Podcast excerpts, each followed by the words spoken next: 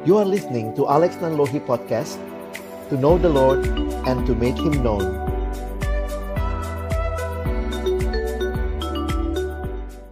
Kita berdoa.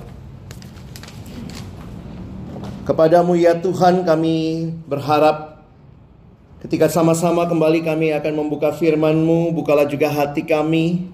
Jadikanlah hati kami seperti tanah yang baik supaya ketika benih firman Tuhan ditaburkan boleh sungguh-sungguh berakar, bertumbuh, dan juga berbuah nyata di dalam hidup kami. Berkati hambamu yang menyampaikan setiap kami yang mendengar, Tuhan tolonglah kami semua. Agar bukan hanya jadi pendengar firman yang setia, tapi mampukan dengan kuasa dari rohmu yang kudus. Kami dimampukan menjadi pelaku-pelaku firmanmu di dalam kehidupan kami.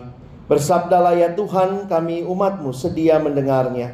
Di dalam satu nama yang kudus, nama yang berkuasa, nama Tuhan kami Yesus Kristus. Kami menyerahkan pemberitaan firman-Mu. Amin. Shalom. Shalom. Malam teman-teman sekalian. Wah banyak alumni baru nih ya. Fresh graduate. Jadi berasa kayak PMKJ. ya kita bersyukur ya perjalanan teman-teman juga akhirnya hari ini kita boleh berkumpul di sini. Mungkin saya pindah sedikit ya, saya nggak kelihatan.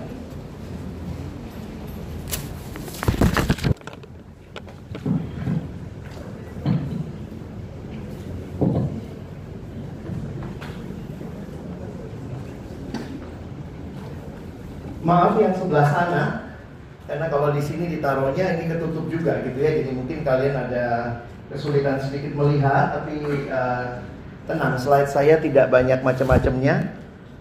Beberapa kali saya buat slide terlalu cantik, ternyata laptopnya nggak support gitu ya, malah hancur hurufnya. Sejak itu saya bertobat ya. Jadi slide saya sekarang agak ya black and white begitu ya. Baik teman-teman hari ini kita mau belajar tentang Paulus dan Barnabas. Apa yang menarik dari kehidupan dua hamba Tuhan ini adalah bagaimana Tuhan memakai mereka dengan kalau saya boleh pakai istilah karakter kepribadian masing-masing. Tidak ada dari kita yang persis sama karakternya. Tapi kita butuh satu sama lain. Karena itu saya makin menghayati pentingnya kita punya persekutuan. Bahkan nanti saya mau masuk lebih dalam ya. Saya mau challenge kalian lebih dalam lagi dalam konteks persekutuan ini. Nah, kita lihat dulu di dalam kisah Rasul pasal yang ke-9 ayat 26 sampai dengan ayat yang ke-30. Kisah Rasul pasal 9 26 sampai 30 kalau bisa lihat di depan silakan. Kalau tidak lihat di Alkitabmu atau di HP-mu. Saya akan mengajak kita membaca bergantian ya. Mulai dari ayat yang 26 kita bergantian sampai dengan ayat yang ke-30. Oke? Saya baca dulu, semoga saya tidak salah buat itu ya. Yang warna biru itu berarti bagianmu ya. Setibanya di Yerusalem, Saulus mencoba menggabungkan diri kepada murid-murid, tetapi semuanya takut kepadanya karena mereka tidak dapat percaya bahwa ia juga seorang murid.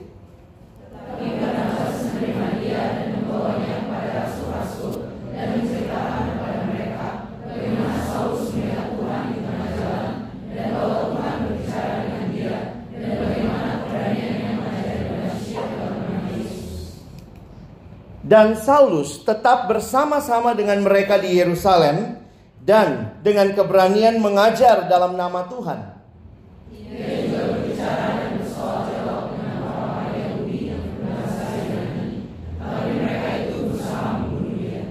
Akan tetapi setelah hal itu diketahui oleh saudara-saudara anggota jemaat, mereka membawa dia ke Kaisarea dan dari situ membantu dia ke Tarsus tidak mudah menerima bahwa Paulus itu adalah seorang yang sungguh-sungguh bertobat. Bayangkan dia dulunya adalah orang yang ikut menganiaya jemaat Tuhan. Memang tidak dikasih tahu apakah Paulus ikut membunuh atau tidak, tapi paling tidak waktu orang-orang melempari Stefanus dituliskan ada orang muda, dia jadi tempat penitipan baju ya. Dan itu membuat saya menyadari tidak mudah ada orang yang percaya waktu Paulus bertobat. Persahabatan kedua orang ini menarik, Paulus dan Barnabas. Dan kita akan coba melihat bagaimana persahabatan mereka Tuhan pakai di dalam kekuatan masing-masing. Dan mungkin kalau kita baca cerita ini, mungkin teman-teman akan bertanya, kok mau sih si Barnabas melakukan itu. Kenapa Barnabas begitu luar biasa percaya kepada Paulus? Teman-teman, ada yang tahu namanya Barnabas, nama aslinya siapa? Hmm? siapa? Nama aslinya Yusuf. Barnabas itu justru panggilannya. Ya, Coba lihat kisah Rasul 4, 36, 37 ada di depan. Coba kita baca dua ayat ini sama-sama. Satu, dua ya. Demikian pula dengan Yusuf yang oleh rasul-rasul disebut Barnabas. Artinya anak penghiburan. Seorang Lewi dari Siprus, ia menjual ladang miliknya, lalu membawa uangnya itu dan meletakkannya di depan Ternyata di bagian awal kitab kisah Rasul kita dikasih tahu siapa itu Barnabas. Nama aslinya Yusuf. Nah menarik kalau kalian perhatikan misalnya. Lihat contohnya sebentar kalau kalian lihat di Alkitabmu. Pasal yang keempat ditutup dengan Yusuf, Barnabas ini. Lalu nanti kalau teman-teman perhatikan di bagian bawahnya. Mulai pasal yang kelima teman-teman ketemu sama cerita Ananias dan Safira. Masih ingat ini ya? Ini juga uh, persekutuan yang menghancurkan. Ini suami istri ya. Lalu kemudian mereka menipu dengan mengatakan jumlah persembahan yang mereka tidak berikan begitu ya. Nah, apa yang menarik sebelum cerita Ananias dan Safira, ini kalimat Alkitab. Karena itu bagi saya menarik untuk memperhatikan bahwa dikatakan ia atau si siapa nih? Barnabas Yusuf menjual seluruh miliknya dan mempersembahkannya di depan kaki para rasul. Sementara kisah di bawahnya sepasang suami istri menipu Tuhan. Nah, apa yang perlu kita perhatikan? Lihat ya. Dia dijuluki Barnabas. Bar itu sebenarnya artinya anak, gitu ya. Jadi Barnabas itu artinya anak penghiburan. Mungkin kalau kalian bayangkan bahasa Indonesia mungkin gimana ya? Karena itu bahasa Inggrisnya son of encouragement. Encouragement terjemahannya bagus, penghiburan kan? Kayak kesannya sedih, kayak anak yang memberikan semangat kepada orang lain. Tetapi ini memang semua terkandung di dalam namanya. Bagi saya, pasti ada karakter dasar dari Yusuf yang nampak begitu rupa. Nampaknya Yusuf ini orangnya lebih supel. Ya. Tetapi ketika dia kenal Tuhan, saya yakin sekali Tuhan pun membawa perubahan melalui karya Roh Kudus di dalam hidupnya Barnabas. Karena itu dia dikenal oleh para rasul. Bahkan di dalam Alkitab kita pun di kisah rasul dia disebut rasul. Walaupun tidak termasuk hitungan 12 rasul dan Paulus. Apa yang menarik kita perhatikan, dia punya mata yang bisa melihat anugerah Allah. Saya lebih suka pakai istilah itu. Kalau kalian bayangkan waktu di kampus, ada nggak kira-kira temanmu yang model Barnabas? Kalau lihat apa-apa terharu, cepet banget tersentuh, gitu ya. Ada yang model Paulus, apa itu? gitu ya Paulus kayaknya sih lebih tegas ya. Nah, sejak awal kitab Kisah Rasul, kita diperkenalkan dengan gambaran seorang yang sangat punya passion, compassion yang dalam yaitu Barnabas. Karena itu tidak heran pasal 9 tadi kita lihat bahwa ketika Paulus bertobat, siapa yang merangkul Paulus? Barnabas. Saya lihat memang ada orang-orang seperti ini ya, yang bekerja dengan hatinya. Um, mana yang lebih baik? Saya pikir semuanya dibutuhkan di dalam pelayanan. Kita butuh satu sama lain dengan tipe kekuatan pribadi kita masing-masing. Jadi akhirnya waktu kita membaca udah disetting lah kira-kira sama penulis kitab kisah Rasul Dr. Lukas sudah setting pikiran kita lihat tuh setiap kali ada peristiwa yang nama Barnabas muncul ini peristiwa penghiburan. Ada seorang mantan yang tadinya menganiaya jemaat bertobat. Siapa yang diutus? Barnabas.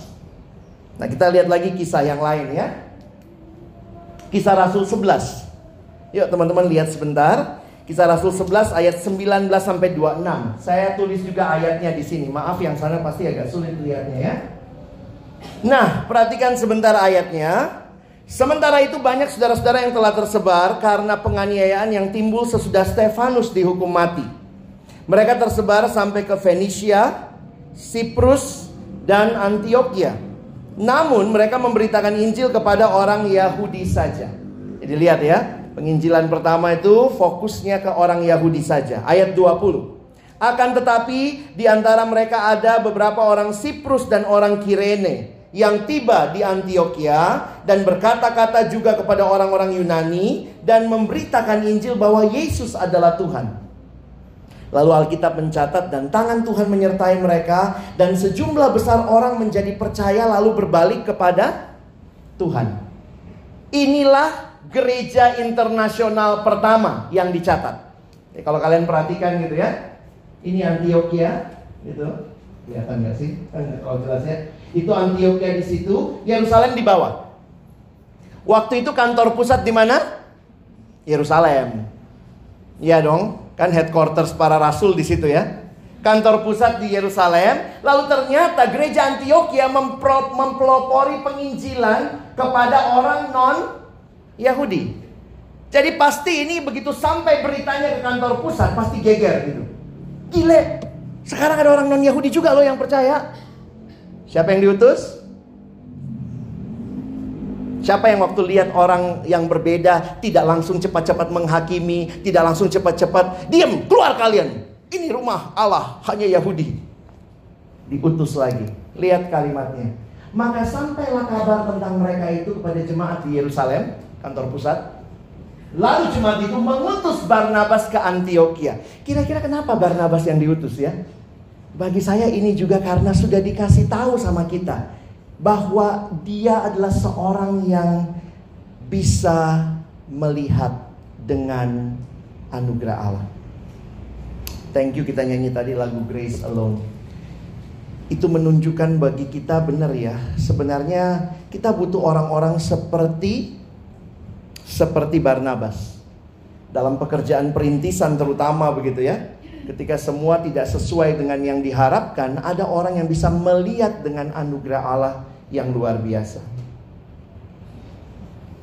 Lalu kalimatnya ayat 23. Setelah Barnabas datang dan melihat kasih karunia Allah. Nah, saya ambil dari sini sebenarnya ya. Melihat kasih karunia Allah, bersuka citalah ia. Buat Barnabas yang paling penting adalah dia bisa melihat dengan kasih karunia Allah. Kita kalau punya temen pengennya yang kayak gimana ya? Yang kalau kita salah disalah-salahin terus. Tuh dasar kau tuh kan ku bilang juga apa? Lagi dengar khotbah di PKJ tuh kau itu. Tuh denger itu, kau itu.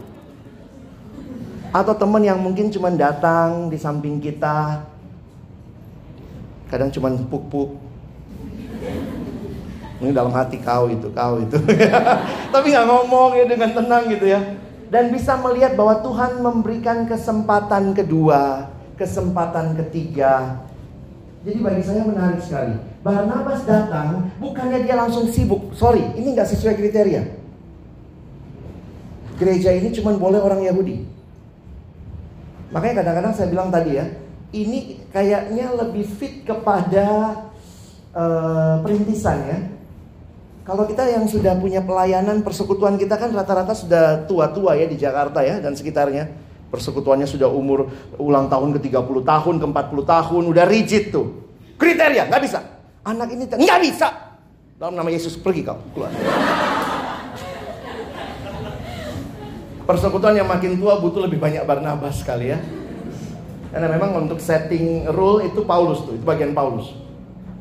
Penatua harus begini, begini, begini, begini. Nah ini gereja yang tidak sesuai dengan ekspektasi orang pada waktu itu. Gereja Antioquia, Barnabas datang, dia bisa bersuka cita, ia menasihati mereka supaya tetap setia kepada Tuhan. Karena Barnabas adalah, perhatikan kalimatnya, orang baik, penuh dengan roh kudus dan iman. Nah saya tadi bilang, semua kita pasti punya personality dasar. Tapi hanya karya Roh Kudus yang membuat engkau dan saya bisa memaksimalkan personality kita untuk kerajaan Allah. Ada orang kan ya kalau kita pakai pembagian yang lama walaupun udah nggak populer ya apa yang sanguin, ya, ketawa gitu. dia ketawa terus ya. Ya tapi kalau dia nggak ada Roh Kudus ya pasti mungkin jadi gila kali ya. Tawa-tawa nggak jelas gitu.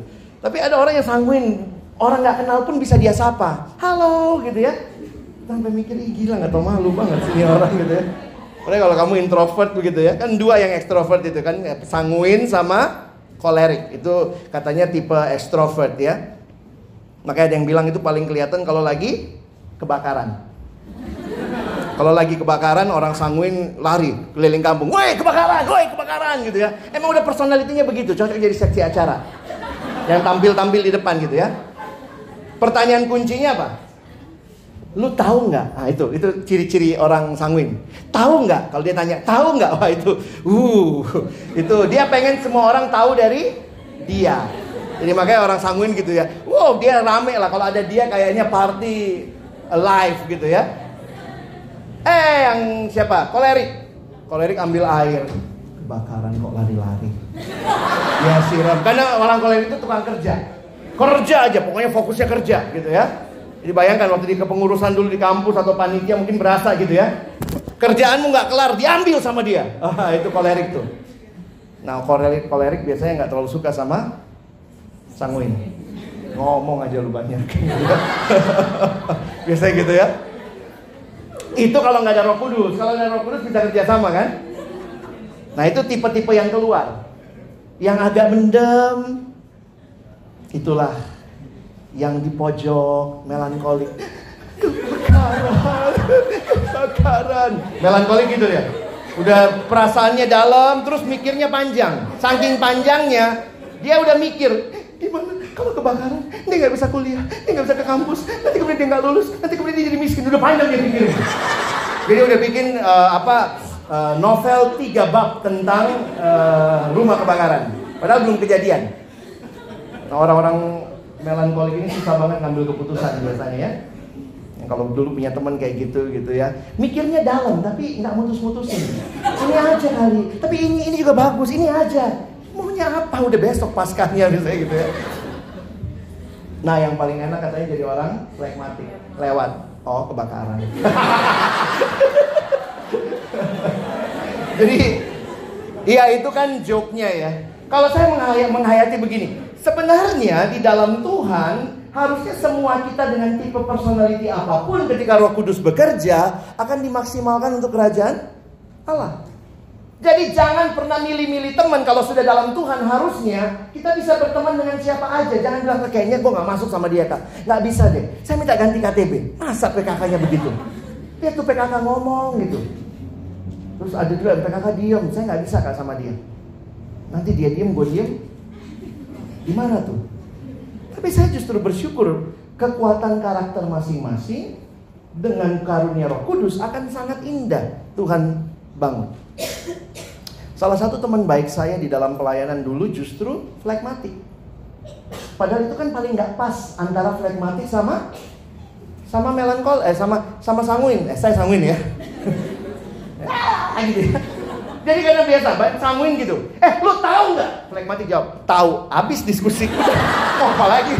Itu kan kalau secara secara tipe temperamen kan, lu tahu nggak? Dia tahu, karena buat dia nggak ada yang dia nggak tahu gitu ya.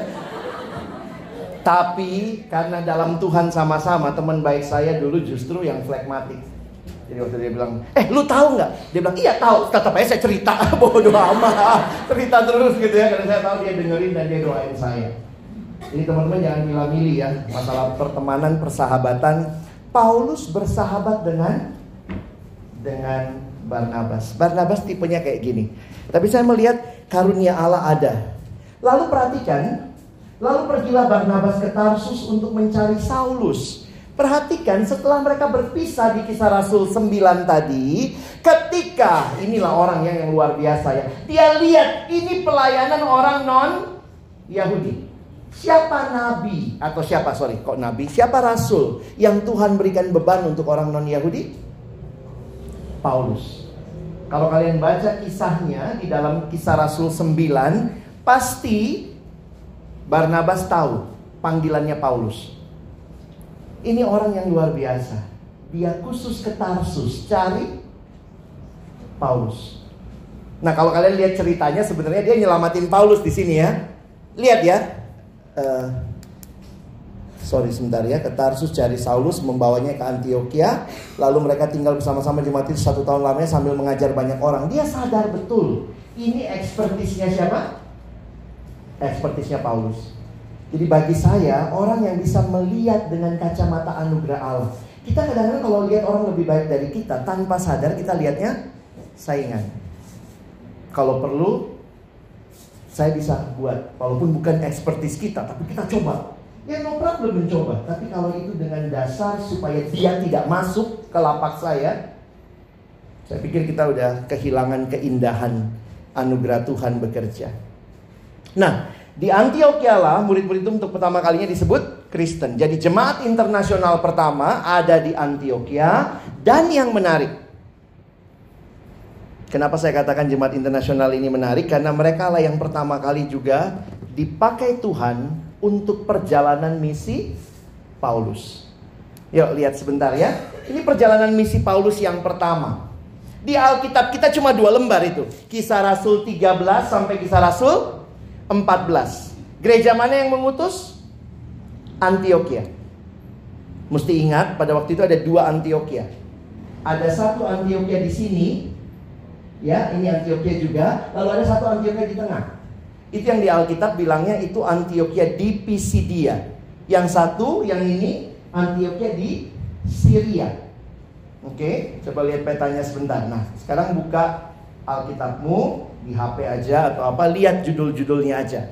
Coba lihat kisah Rasul 13. Abang ajak kita uh, survei sebentar ya, lihat.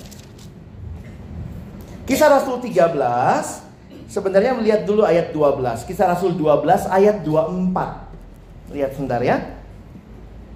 Ini judulnya apa? Barnabas dan Saulus diutus. Maka firman Tuhan makin tersebar dan makin banyak didengar orang. Barnabas dan Saulus kembali dari Yerusalem setelah mereka menyelesaikan tugas pelayanan mereka. Mereka membawa Yohanes yang disebut juga Markus. Yohanes Markus ini dibawa. Perhatikan ayat 1. Pada waktu itu di dalam jemaat di Antioquia ada beberapa nabi dan pengajar yaitu lihat nabi pengajar Barnabas dan Simeon yang disebut Niger, Lukius orang Kirene dan Menahem yang diasuh bersama dengan raja wilayah Herodes dan Saulus. Bagaimana muncul pelayanan misi pertama? Itu bukan planning manusia. Perhatikan ayat berikutnya.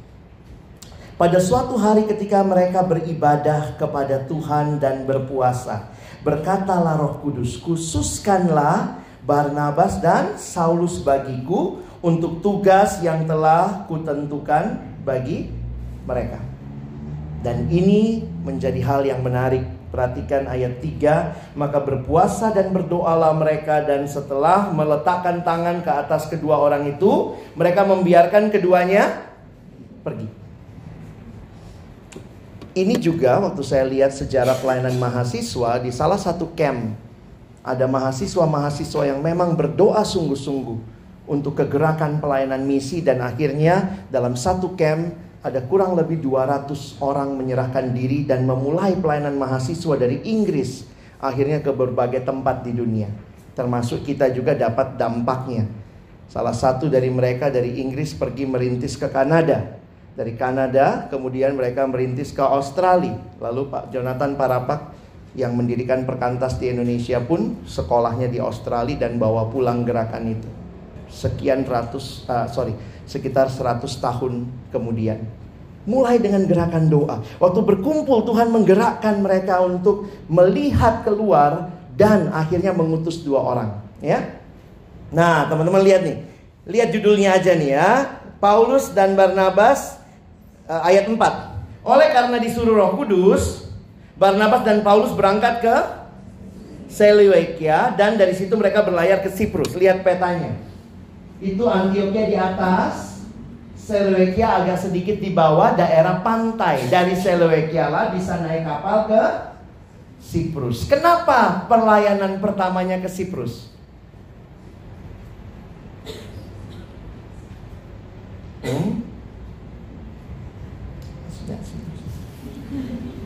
Tadi yang tadi nih. Dia seorang Lewi dari Siprus. Jadi saya lihat juga ya, dia pasti ngajak Paulus pelayanan, tapi diajak juga ke tempat yang dia kuasai. Ya, jadi memang kalau kalian perhatikan tuh pelayanan misi pertama nih mereka bareng nih. Dari Antioquia ke Seleukia, Seleukia ke Siprus, sampai di Siprus itu pulau. Mereka tiba di Salamis, lalu kayak seluruh pulau dijelajahi, akhirnya tiba di Pafos. Dari Pafos, nah lihat lagi peta Alki, eh, lihat Alkitabmu. Dari Pafos ayat 13 itu ke mana judulnya? Ke Antioquia di Pisidia. Lalu dari situ ke mana lagi? Pasal 13 ayat 50 judulnya. Nanti kalian lihat dari Apafos dia sebenarnya ke situ dulu ya Antioquia Pisidia. Lalu ke mana? Ah lihat aja judulnya Iconium, Listra, Derbe. Lalu pasal 14 bagian akhir ayat 21 kembali ke Antioquia. Kenapa kembali ke Antioquia? Karena di situ dulu mereka diutus. Kalau kita lihat gile ya, jalan-jalannya lumayan juga gitu ya. Dua lembar di Alkitabmu, di HPmu mungkin berapa kali scroll. Tapi kalian tahu berapa lama waktunya? Hampir kira-kira satu setengah sampai dua tahun. Karena nggak ada Air Asia waktu itu ya. Jangan pikir oh pergi sini bentar mampir foto selfie pulang. Enggak. Mereka Paulus tuh ngider gitu sama Barnabas selama itu. Dan bagi saya menarik karena apa? Kalau kalian perhatikan dengan dalam, itulah pentingnya teman pelayanan. Coba lihat waktu pulang ke Antioquia. Kita lihat pasal 3 14 ya. Ayat 21. Paulus dan Barnabas memberitakan Injil di kota itu, memperoleh banyak murid. Saya langsung ke ayat 26. Dari situ berlayarlah mereka ke Antioquia. Di tempat itulah mereka dahulu diserahkan kepada kasih karunia Allah untuk memulai pekerjaan yang telah mereka selesaikan. Menarik ya? 27. Setibanya di situ mereka memanggil jemaat berkumpul lalu mereka menceritakan segala sesuatu yang Allah lakukan dengan perantaraan mereka dan bahwa ia telah membuka pintu bagi bangsa-bangsa lain kepada iman. Ingat itu gereja internasional pertama dan mereka juga gereja yang mengutus pertama kali rasul ini untuk bangsa lain.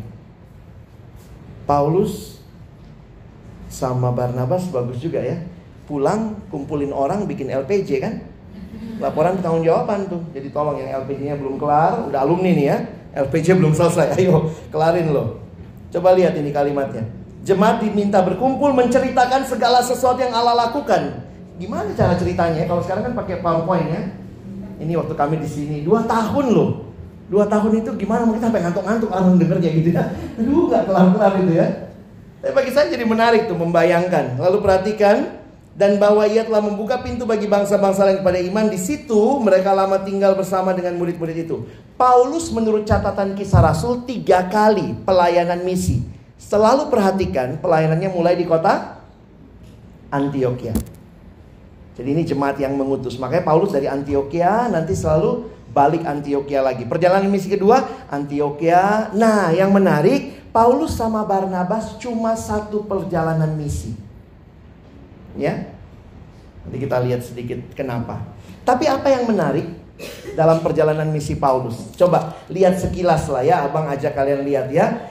Coba perhatikan pas pengutusan atau mungkin bukan pengutusan lah. Lihat caranya Lukas mencatat. Coba lihat Lukas mencatat pasal 12 ayat 25. Cara Lukas mencatat ini apa? Barnabas dan Saulus. Lalu pasal 13 ayat 4. Cepat aja. Namanya muncul Barnabas dan Saulus. Saya lompat langsung ke pasal 13 ayat 42. Lihat nama yang muncul. Paulus dan Barnabas. Loh, kok bisa? Nah, ini juga jadi pertanyaan banyak para penafsir Alkitab. Jadi memang duet Paulus sama Silas, eh saya Silas lagi. Paulus sama Barnabas ini top banget gitu ya. Coba kalian lihat sebentar uh, itu ya, 42 Paulus dan Barnabas. 42 43 namanya Paulus Barnabas. Um, 50 eh 46 Paulus Barnabas. 50 Paulus Barnabas. 51 Paulus Barnabas. Ini PA ya. 14 ayat 3. Paulus Barnabas. Nanti agak sedikit beda, hanya muncul di pasal 14 ayat 14. Itu balik lagi Barnabas dan Paulus. Oh banyak penafsir kasih beberapa penafsiran. Salah satunya adalah waktu awal nampaknya siapa yang leading? Barnabas. Tapi ini seorang yang sekali lagi tidak masalah dia jadi nomor dua. Ketika kita melihat nampaknya dalam meliding Paulus dipakai. Kenapa 14 ayat 14 kelihatannya balik lagi Barnabas Paulus. Sebenarnya ada cerita di atasnya. Coba lihat sebentar ya. Ini di kota Listra ayat 8. Coba lihat 3, 14 ayat 8. Di Listra ada seorang yang duduk lemah teruslah ya ke bawah ayat 11. Ketika orang banyak melihat apa yang telah diperbuat Paulus, dia sembuhkan orang itu. Mereka berseru dalam bahasa Lika, Likaonia. Dewa-dewa telah turun ke tengah-tengah kita dalam rupa manusia. Barnabas disebut dewa Dewa Zeus. Kenapa? Lihat bawahnya ya. Dan Paulus mereka sebut Hermes karena ia yang berarti si Barnabas nggak ngomong kali ya. Makanya itu kayak muncul karena dalam perdewaan kalian kalau belajar mitologi Yunani, dewa itu paling tinggi kan Zeus ya. Kalau lihat ininya ya, Zeus itu yang paling tinggi, tapi yang menarik begini, dewa tidak bisa bahasa manusia. Ada yang tahu kak itu? dalam mitologi Yunani dewa itu nggak bisa bahasa manusia. Makanya untuk bicara sama manusia, dewa-dewa pakai juru bicara. Siapa juru bicaranya? Hermes. Hermes itu dewa, tapi dia bisa dua bahasa. Makanya ilmu penafsiran Alkitab disebut ilmu hermeneutika. Dari kata atau dari si Hermes ini. Nah Paulus karena ngomong mulu gitu kali ya. Kalau Barnabas lebih tenang nampaknya ya. Makanya Paulus disebut Hermesnya, si Barnabas disebut Zeusnya. Kamu sama tim intimu dulu disebutnya apa? Anjing sama kucing. Jelek banget gitu ya. Kan ada ya, oh ya teman pelayanan saya dulu, gue nggak bisa sama dia, pasti berantem gitu ya. Ini menarik nih, mereka padanan yang bagus gitu ya, Hermes sama sama Zeus. Nah itu yang kelihatannya. Nah teman-teman bagi saya jadi menarik juga memperhatikan ya bahwa teman yang baik, teman yang sejati sebenarnya teman yang bisa melihat potensimu. Ya, ada kalimat begini. True leaders don't create followers, they create more leaders. saya lagi berjuang juga dalam hidup saya dalam poin ini. Bukan hanya banyak orang yang mengikuti kita, tapi apakah orang-orang itu kita siapkan sebagai the next leader? Pasti Barnabas dalam banyak hal lebih dari Paulus. Tapi ketika potensi Paulus kelihatan, maka Barnabas step aside, give away for Paulus. Bahkan dicatat namanya mulai berubah, Paulus dan Barnabas.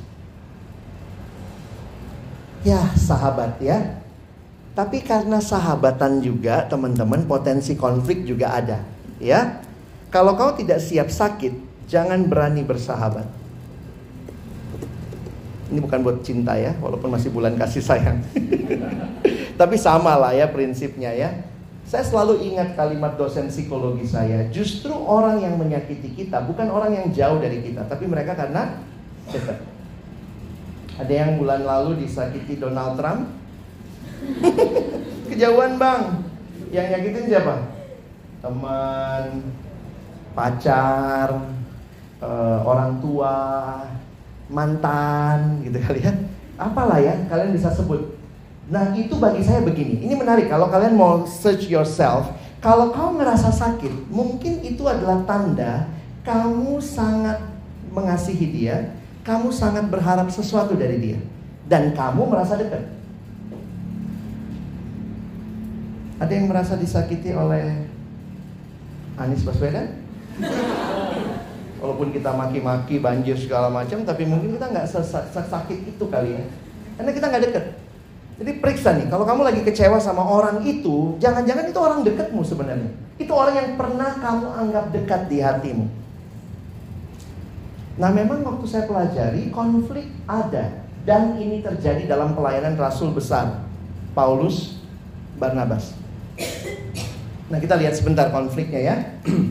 Kisah Rasul 15, lihat semua di depan ya, nggak usah kalian baca gitu. Paulus Barnabas, uh, saya bacakan di sini.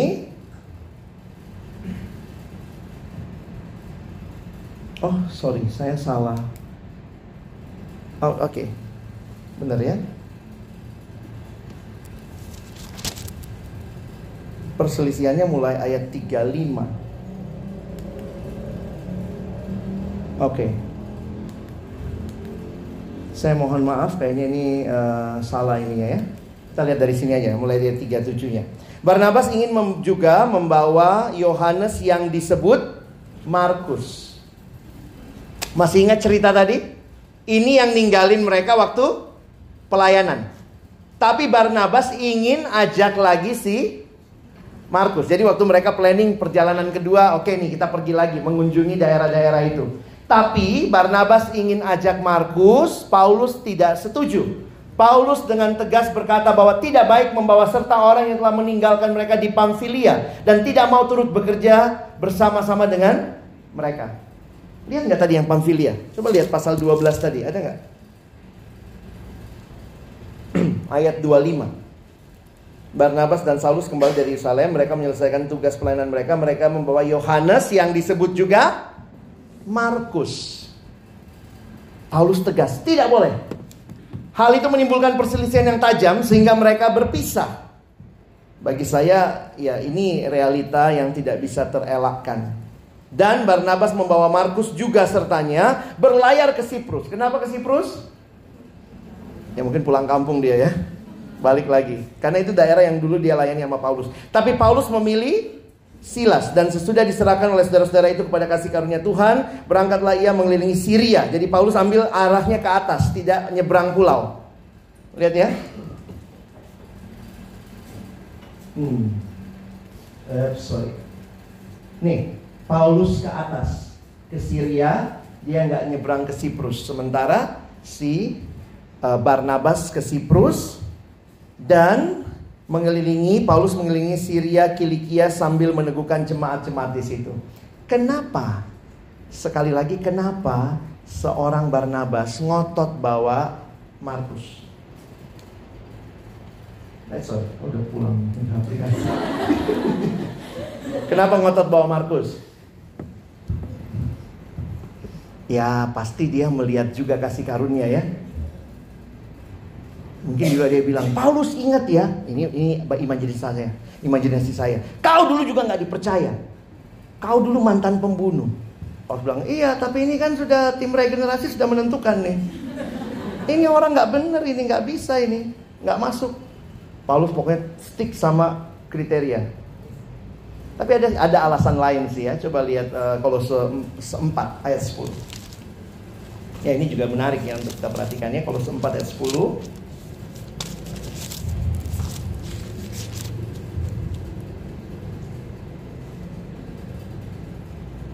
Siapa Markus? Hah? Oh, mungkin kalau bilang pas terus ponakan gitu ya. Tapi bagi saya yang menarik adalah begini. Ternyata dengan Barnabas membawa Markus. Ini jadi cara Tuhan memulihkan Markus. Saya tidak bisa salahkan Paulus juga. Tapi paling tidak bagi saya menariknya begini, bahwa ketika Barnabas dalam anugerah Tuhan, karakter yang diberikan Tuhan dan karunia Roh Kudus dia bisa melihat, dia kasih kesempatan kedua buat si Markus ini. Dan akhirnya luar biasa ya. Markus jadi orang yang luar biasa. Coba lihat sebentar 1 Petrus 5. Kenapa sih mesti buka 1 Petrus 5? Coba lihat ayat yang ke 13. Ayo, Markus jadi apa? Hmm? Markus jadi anaknya anaknya Petrus. Eh, emang Petrus beranak di ini? Coba salam kepada kamu sekalian dari kawanmu yang terpilih yang di Babylon dan juga dari Markus, anakku. Di dalam Alkitab dicatat bahwa Markus ini ternyata kalau kita lihat rekornya dia berubah. Dan bahkan luar biasa, Markus ini pernah jadi pembantunya Petrus. Dan mungkin juga kalau kita lihat lagi lebih jauh, dia pun sempat membantu Paulus. Coba lihat 2 Timotius. Di akhir hidupnya 2 Timotius pasal yang keempat.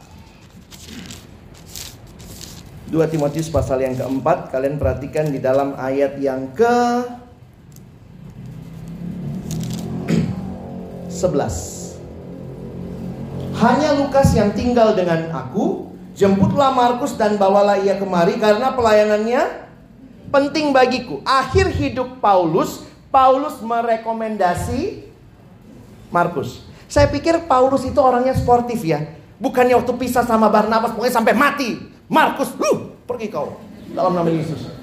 Waktu Markus berubah, nampaknya Paulus terima. Saya pikir ini kebesaran hati pelayan.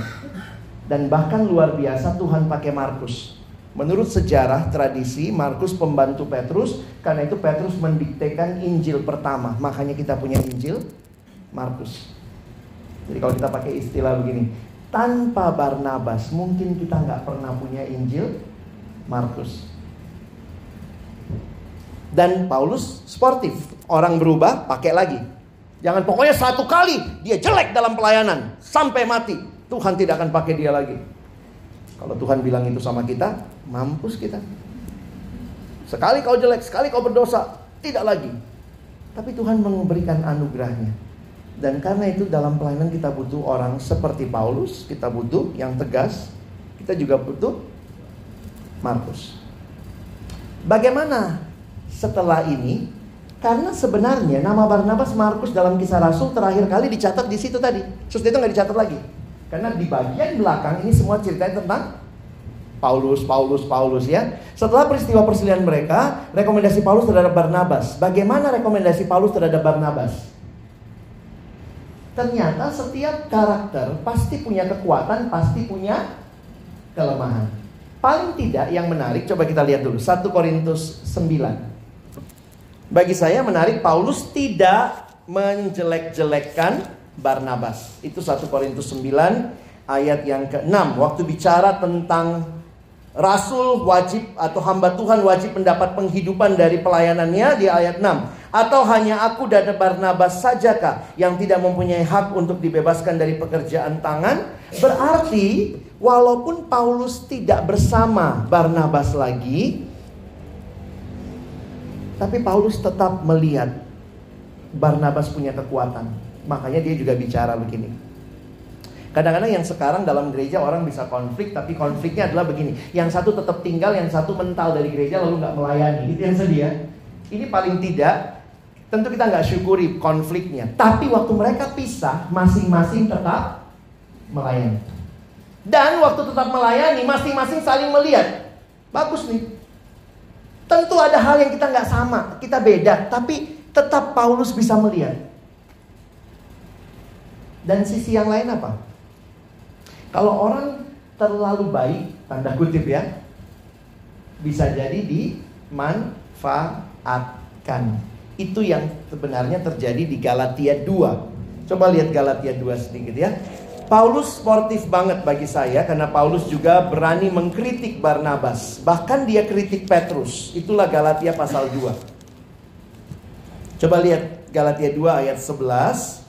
Tetapi waktu Kefas datang ke Antioquia, Kefas itu siapa? Petrus.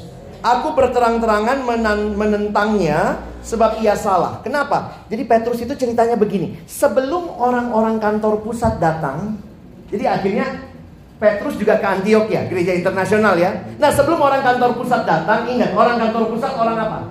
Yahu, Yahudi. Sementara ini gereja internasional. Sebelum datang orang kantor pusat, Petrus tuh makan sama orang-orang non Yahudi. Tapi begitu datang orang kantor pusat, dia jaga jarak sama orang non Yahudi. Makanya Paulus kritik. Ya, hebat juga Paulusnya berani kritik Petrus. Tetapi waktu Kefas datang ke Antioquia, aku berterang-terangan menantangnya sebab ia salah. Karena sebelum beberapa orang dari kalangan Yakobus datang, itu orang kantor pusat, ia makan sehidangan dengan saudara-saudara yang tidak bersunat. Tetapi setelah mereka datang, ia mengundurkan diri dan menjauhi mereka karena takut akan saudara-saudara yang bersunat. Nah 13 nih agak sedih. Dan orang-orang Yahudi yang lain pun turut berlaku munafik seperti dia. Sehingga Barnabas sendiri turut terseret dalam kemunafikan mereka. Jadi bagaimana pandangan Paulus tentang Barnabas? Bagi saya tetap Barnabas manusia yang ada bagusnya, ada positifnya, ada juga negatifnya. Terlalu baik sama orang tanda kutip ya. Mau diterima semua orang bisa jadi terjebak jadi orang yang menyenangkan, mau menyenangkan semua orang. Padahal itu juga tidak bisa begitu. Kita butuh orang lain. Karena itu saya pikir persahabatan jadi penting buat kita. Kamu butuh teman. Kalau kamu terlalu loose gitu ya, kamu butuh teman yang lebih strict. Kalau kamu strict, kamu butuh teman yang bikin kamu sedikit tersenyum lah. Ya, hidup itu bukan cuma kerja. Ya, hidup itu bukan cuma tentang apa gitu ya.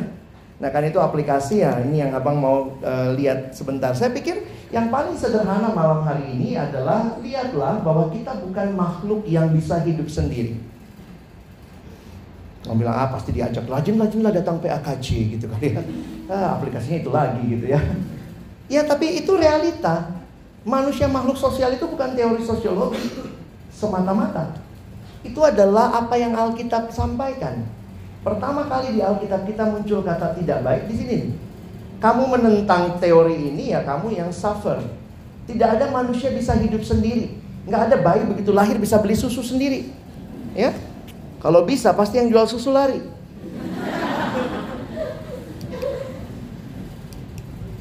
Allah menghendaki manusia untuk saling mengasihi. Saya pikir kalau coba lihat ya, apa hukum yang pertama dan terutama? Kasihilah Tuhan Allahmu dengan segenap hatimu. Terus sudah gitu. Hukum kedua, kasihilah kamu nggak bisa hidup tanpa sesama karena tanpa sesama kamu nggak bisa fulfill great commandment. Gimana caranya? Saya cuma mau sama Tuhan. Munafik semua ini orang. Ada yang gitu kan? Gak mau ke gereja. Gak mau datang persekutuan. Ah dia ngomong itu munafik itu semua. Saya bilang ayolah sini tambah satu orang munafik. Gak ada gereja yang sempurna, betul gak? Kalaupun ada gereja yang sempurna, kalau kamu ketemu nih, wih gila nih gereja sempurna banget. Begitu kau masuk join, langsung jadi gereja nggak sempurna. Kau tau lah karena siapa? Jangan uto, jangan utopia, ya. Makanya saya senang dengan kalimat dari John Stott. Ayo kita baca sama-sama. Satu dua ya. Sebagaimana ikan dibuat untuk air,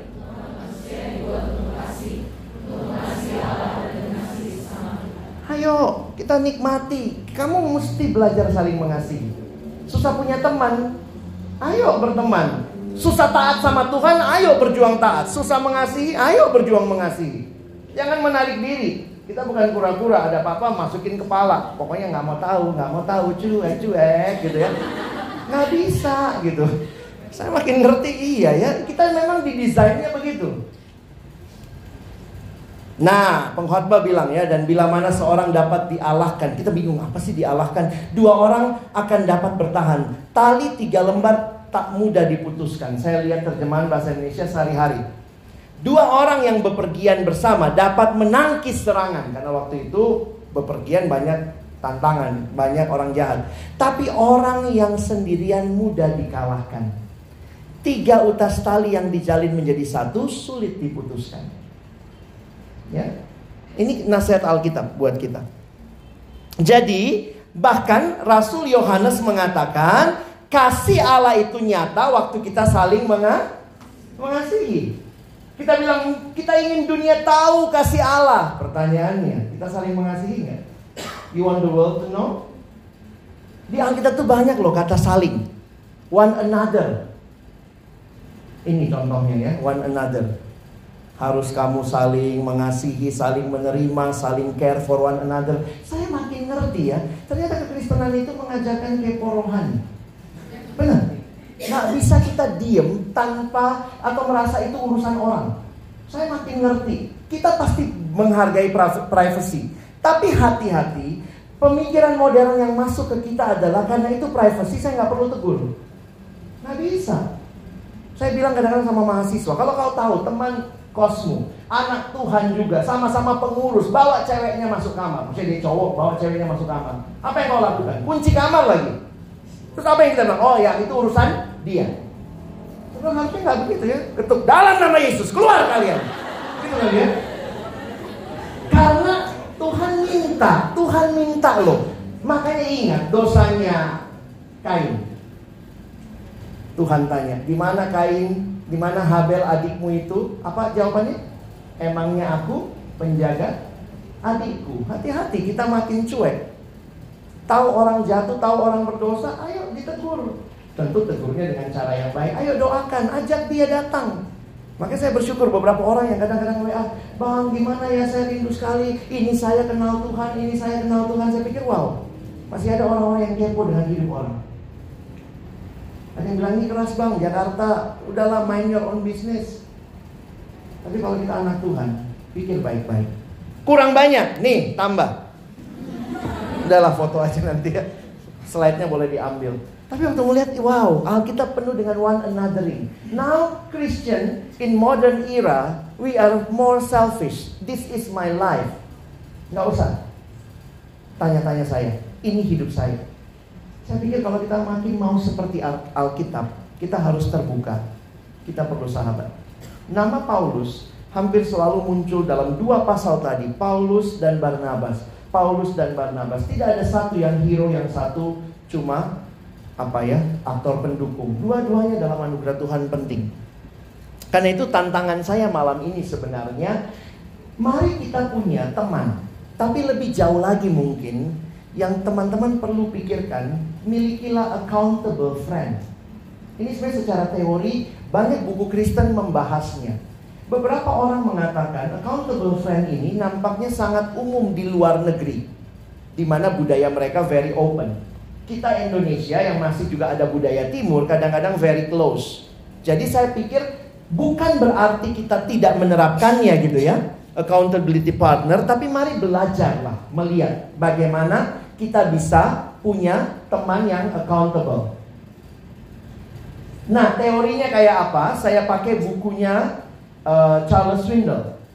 Jadi Charles Swindle ini dia mencoba membuka dirinya kepada orang lain. Karena banyak kali kita tolong orang dia udah jatuhnya dalam banget, udah jatuh dalam banget. Pertanyaan saya waktu dia sudah jatuh begitu dalam, di mana teman-teman rohaninya? Nah ini yang kadang-kadang kita tidak punya, tidak membiasakan diri. KTB bisa menjadi salah satu cara kamu punya accountable partner. Tapi kalau tidak, saya pikir kalian mesti carilah entah mentor rohani atau apa gitu ya, abang kakak yang kalian percaya yang bisa menolong kamu. Charles Swindle kasih definisi begini. Akuntabilitas adalah sebuah proses membuka diri terhadap seseorang atau sekelompok kecil orang yang kita kenal baik dan percaya sepenuhnya untuk mengatakan kebenaran apa adanya tentang diri kita. Memang jadi masalah utama banyak yang bilang gini, "Bang, saya sulit percaya. Anak persekutuan mulutnya ember."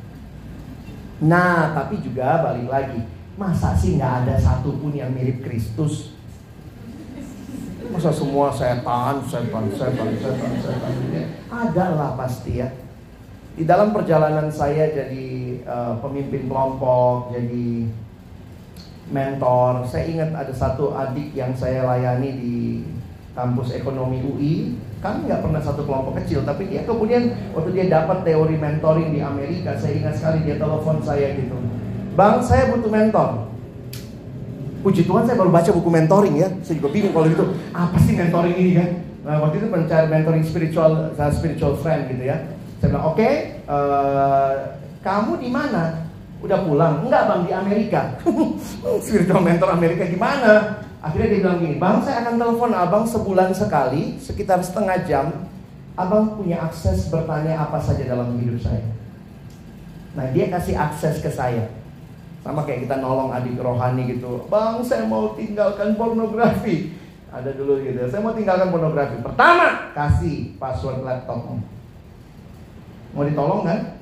Jadi dia dia kasih akses. Nah orang itu memberikan akses buat saya ke hidupnya dan akhirnya terjadi tuh selama kira-kira satu tahun setiap bulan sekali saya teleponan sama dia, Robin pakai Skype dan kemudian saya tanya. Dan sampai hari ini sebenarnya kami masih jalan ya misalnya tiga minggu sekali ketemu untuk ngobrol gitu ya.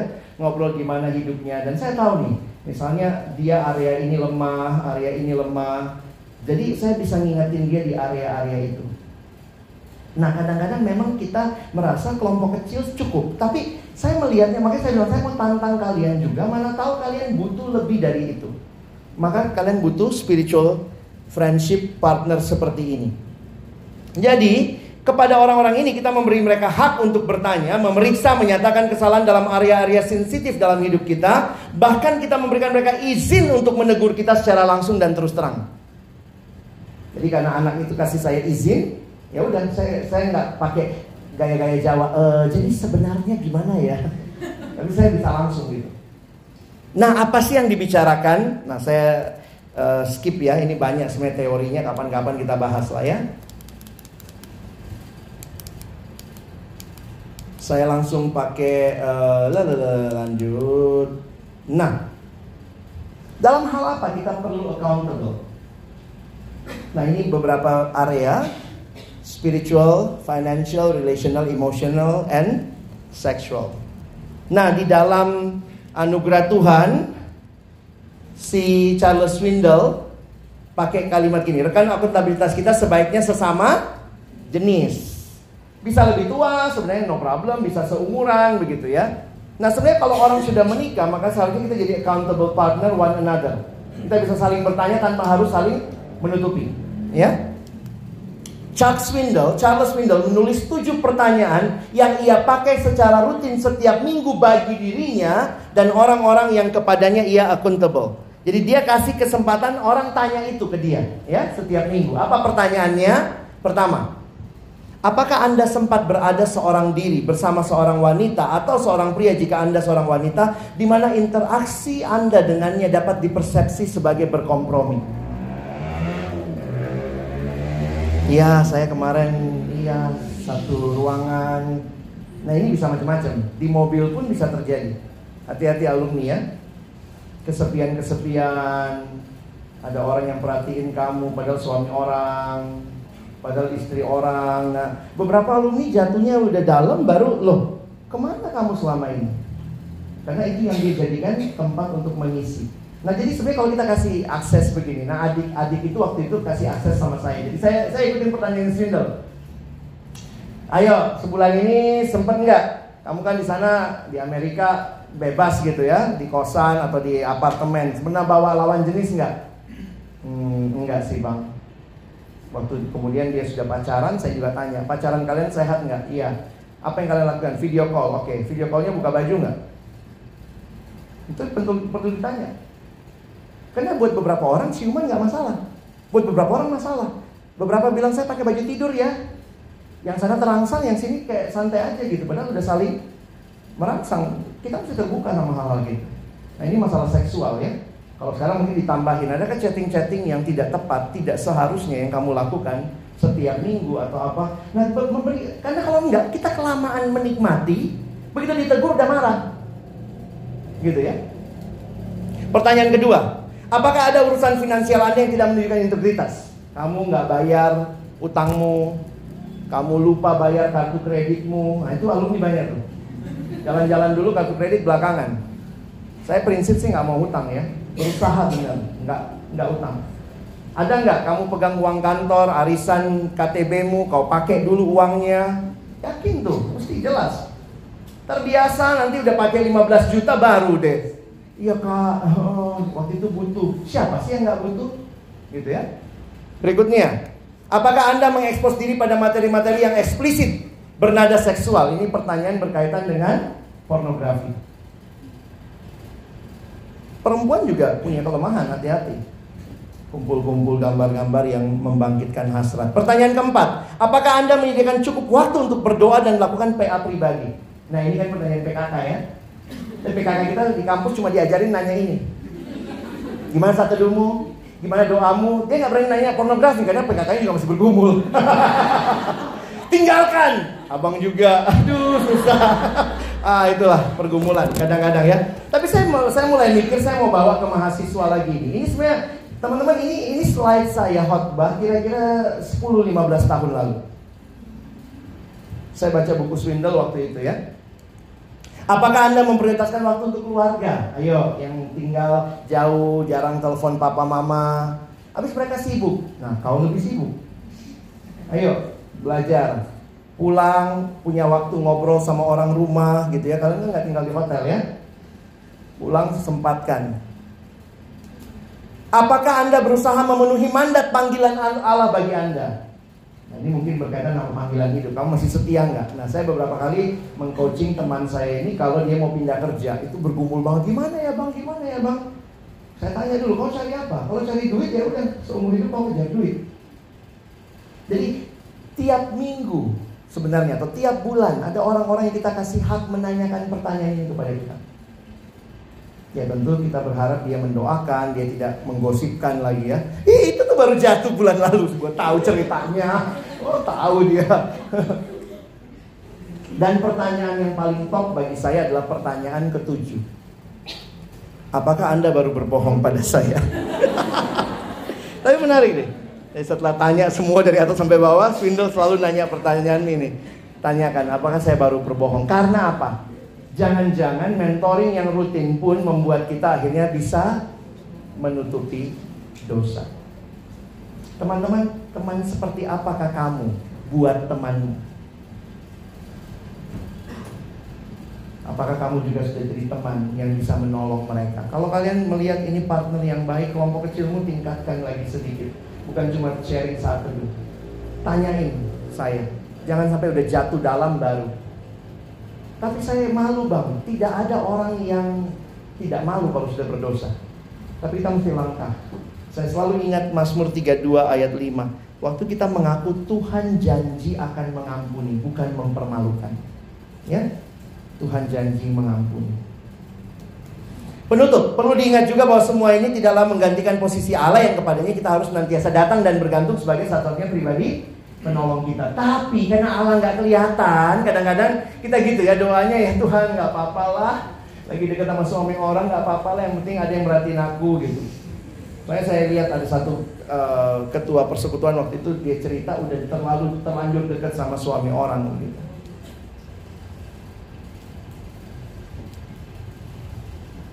Ini sebenarnya buat pemimpin ya. Jadi Anda ingin jadi pemimpin yang langgeng, anda tidak mau, uh, eh, mau tidak mau Anda membutuhkan akuntabilitas. Tapi saya tutup dengan kalimatnya Timothy Carroll ya. Ini agak shocking saya juga ya. Kenapa makanya hari ini saya bawain sedikit topik ini. Dia ngomong begini. Everyone says they want community and friendship. Makanya kita datang PAKJ, kita mau community friendship, kita mau ikut KTB. But mention accountability or commitment to people and they not run the other way. Jadi saya jadi berpikir juga loh. Sorry ya, hari ini kan banyak yang datang. Tapi pertanyaan saya adalah, kalau kita berdoa supaya teman-teman inilah yang Tuhan pakai jaga hidup kita. Are you ready? Makanya jadi pertanyaan buat saya, saya berdoa lah ya, PAKJ makin banyak yang datang. Tapi bukan cuma untuk bergandengan tangan, roti mentega, selesai pulang, habis. No, I want more than that. You need a countable friend and pray. Kalau Tuhan berikan di sini, puji Tuhan. Kalau Tuhan mungkin berikan teman KTB-mu dulu, atau mungkin teman di gereja, atau ada kakak rohani yang kau rasa lebih tepat, silakan. Tapi ini jadi kebutuhan generasi ini supaya kita saling menjaga karena itu kehendak Tuhan bagi kita.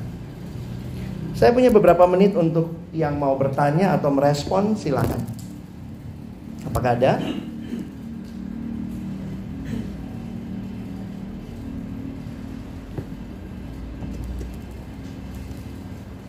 Caranya mudah, angkat tanganmu.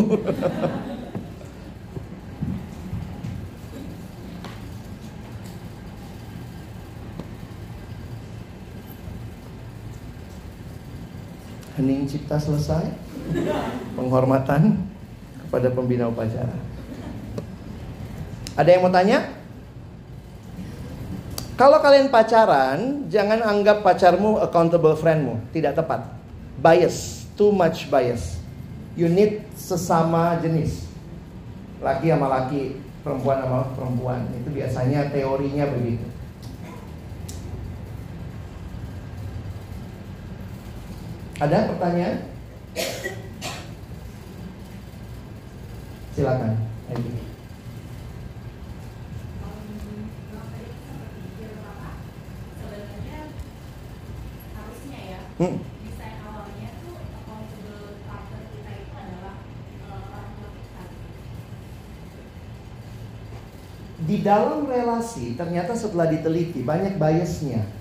Maksudnya orang tua itu subjektif sekali. Apalagi memang kita nggak bisa tutup mata bahwa relasi anak orang tua juga tidak sepenuhnya uh, baik. Gitu. Tentu ide ideal banget seperti itu. Misalnya kan anak sama orang tua harusnya terbuka.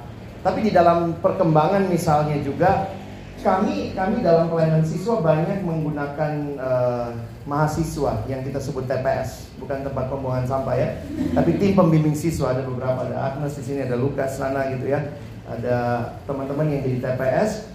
Agak beda ketika harusnya kan siswa accountable-nya sama guru yang lebih sering dia temui misalnya. Tapi ternyata juga gak gampang sama orang tua. Kok lebih terbuka sama kakak? Nah ternyata ada peran-peran. Nah saya akhirnya bilangnya begini, setiap kita mungkin kalau peran kita adalah peran bagian tertentu ya udah nikmati peran itu.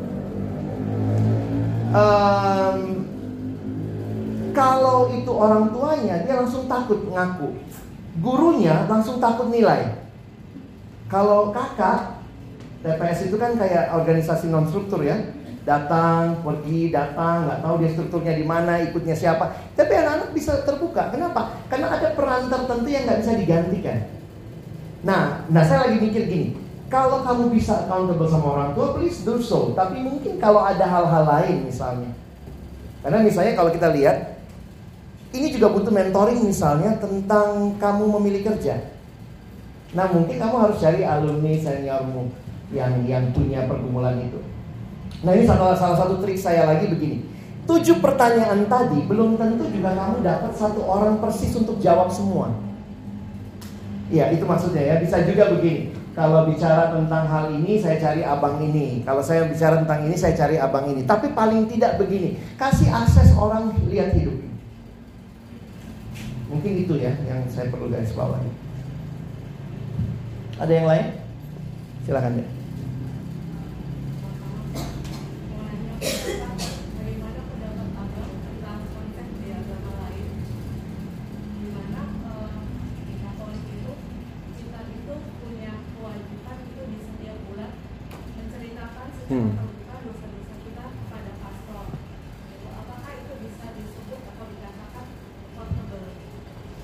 Kalau pastornya juga ngaku ke kita, jadi accountable kali ya.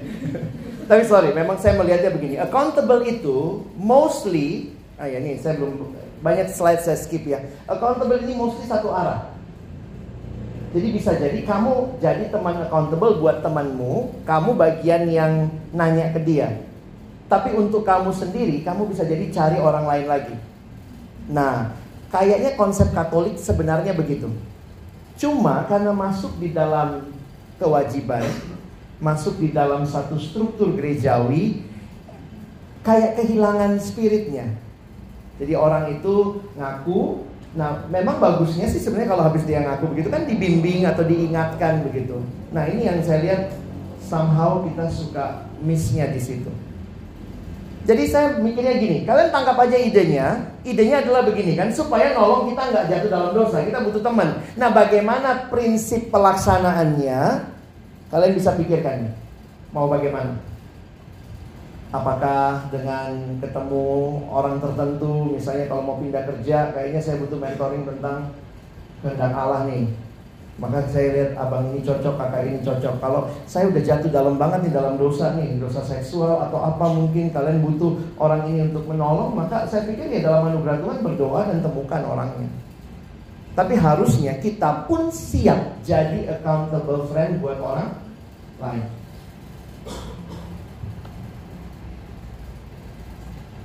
Ada lagi? Silakan. Pertanyaan saya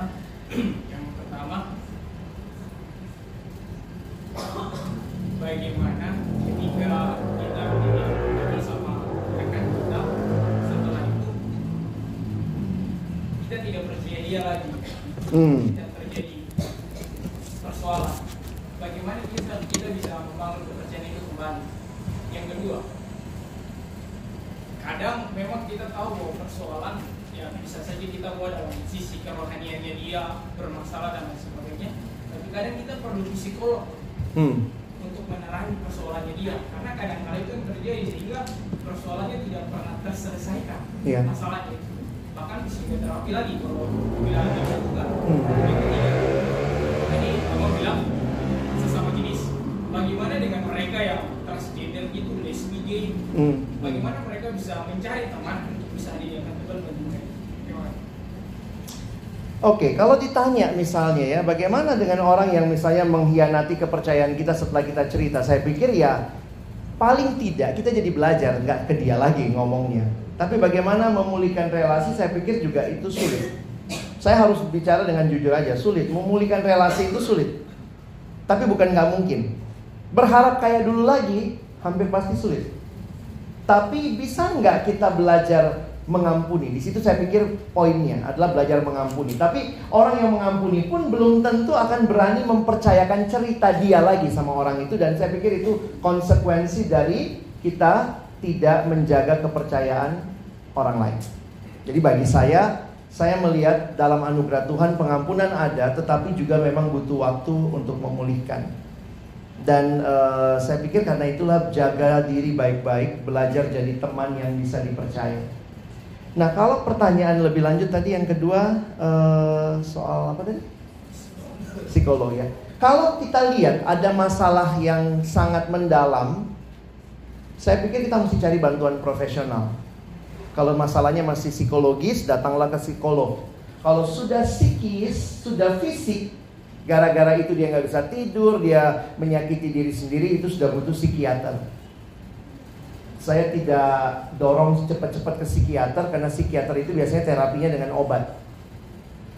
Kalau sudah obat karena memang ada orang-orang yang sudah sulit ditolong, dia perlu diobati dulu, dia bisa tidur dulu, bisa tenang dulu, baru next stepnya mungkin psikolog akan bisa masuk. Nah tapi poinnya menarik tuh. Kalau teman-teman sadar kita limitnya tidak ada, tidak bisa, ini bukan saya lagi, maka kalian harus cari profesional. Paling tidak untuk pertama temani dia.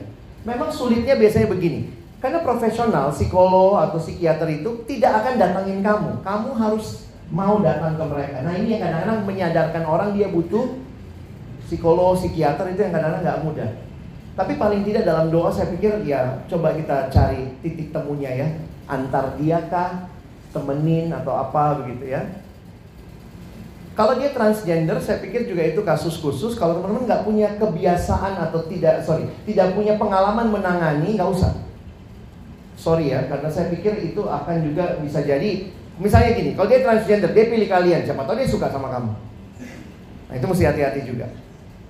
Beberapa kali nangani kasus yang misalnya punya ketertarikan sesama jenis, ketika berulang kali ketemu, saya lihat ini udah nggak udah nggak pas nih. Dia malah kayaknya bergantung sama saya gitu saya pikir saya harus batasin. Sehingga mungkin refer ke yang lain atau cari misalnya yang lawan jenis tapi lebih tua. Khususnya kalau laki-laki misalnya pergumulannya tentang sesama jenis maka carilah mungkin psikolog atau konselor perempuan yang lebih tua. Ya jadi paling tidak bisa melihat menangani masalahnya dengan tepat. Tapi uh, kalau kalian butuh nomor-nomor biro konseling Kristen bisa kontak saya, ya. Karena ada beberapa yang saya pikir juga begini loh, sedikit memang yang menangani. Sementara kasus banyak. Ada yang sudah nggak bisa tidur berapa hari, mulai menyakiti diri. Nah itu kan kayak begitu kan bukan cuma butuh temen. Kamu temen yang nolong dia ketemu profesional yang bisa nolong dia lebih dalam. Jangan buru-buru atau jangan kalian merasa diri profesional. Nanti kamunya jadi sakit juga. Ya. Atau kamu jadi ikut. Nah, buat teman-teman yang bapernya kebangetan juga mesti sadar gitu ya. Kamu tidak bisa mengambil alih beban orang lain. Oke? Jadi menarik diskusinya, tapi waktu juga memisahkan kita. Silakan kalau tertarik dapat uh, slide-nya lengkap tentang accountable friend nanti minta dari pengurus. Tapi bagi saya adalah uh, coba pikirkan hal ini dengan dalam supaya saya, saya jujur bergumul dengan alumni-alumni yang jatuh. Gimana ya sana jatuh, sana jatuh gitu. Lalu berpikir apa kurang ya kita kasih firman dulu. PMKJ-nya diulang aja lagi. PMK-nya diulang. Tapi akhirnya saya pikir mungkin ini caranya.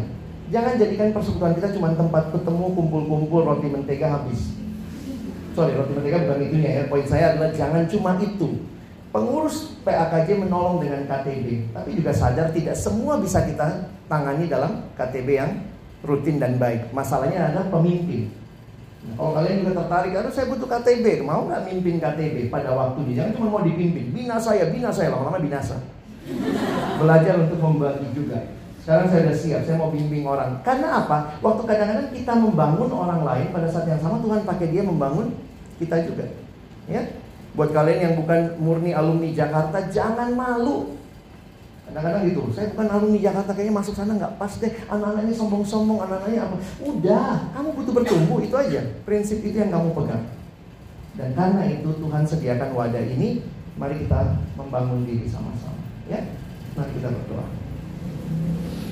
Bapak Surgawi terima kasih banyak malam hari ini untuk setiap kebenaran firman Tuhan, setiap pemaparan dan wawasan juga yang diberikan di tengah-tengah pergumulan alumni yang kami sadar tidak makin mudah dan begitu besar tantangan yang ada. Kami terus berdoa, berikan kami komunitas yang mengasihi Tuhan, mengasihi kami, yang kepadanya kami boleh datang tanpa takut dihakimi, tanpa takut merasa diabaikan, tapi benar-benar ada orang-orang yang mendoakan, mendengar, dan berjalan bersama kami. Dan kami juga berdoa, jadikan kami orang-orang seperti itu, supaya kami tidak sibuk hanya dengan diri kami, tapi kami juga belajar berbagi dengan orang lain. Mungkin banyak pertanyaan yang belum terjawab malam ini, tapi biarlah prinsipnya kami tangkap. Kami benar-benar rindu hidup di dalam Tuhan, dan teman-teman di sekitar kami kami yakin Tuhan hadirkan mereka juga untuk mengasihi kami dan untuk menolong kami juga di dalam perjalanan. Terima kasih Tuhan. Hamba selesai berbicara, tapi teruslah berbicara dalam hati dan kehidupan setiap teman-temanku. Menolong kami jadi alumni-alumni yang menempatkan Kristus yang terutama dan kami boleh hidup seturut kehendakmu. Kami bersyukur untuk teladan Paulus dan Barnabas di dalam ke, kekuatan mereka maupun kegagalan mereka juga kami belajar bagaimana pentingnya kami berserah dan bersandar kepada Tuhan. Ini doa kami, kami bersyukur menutup firman-Mu dalam nama Yesus kami berdoa. Amin.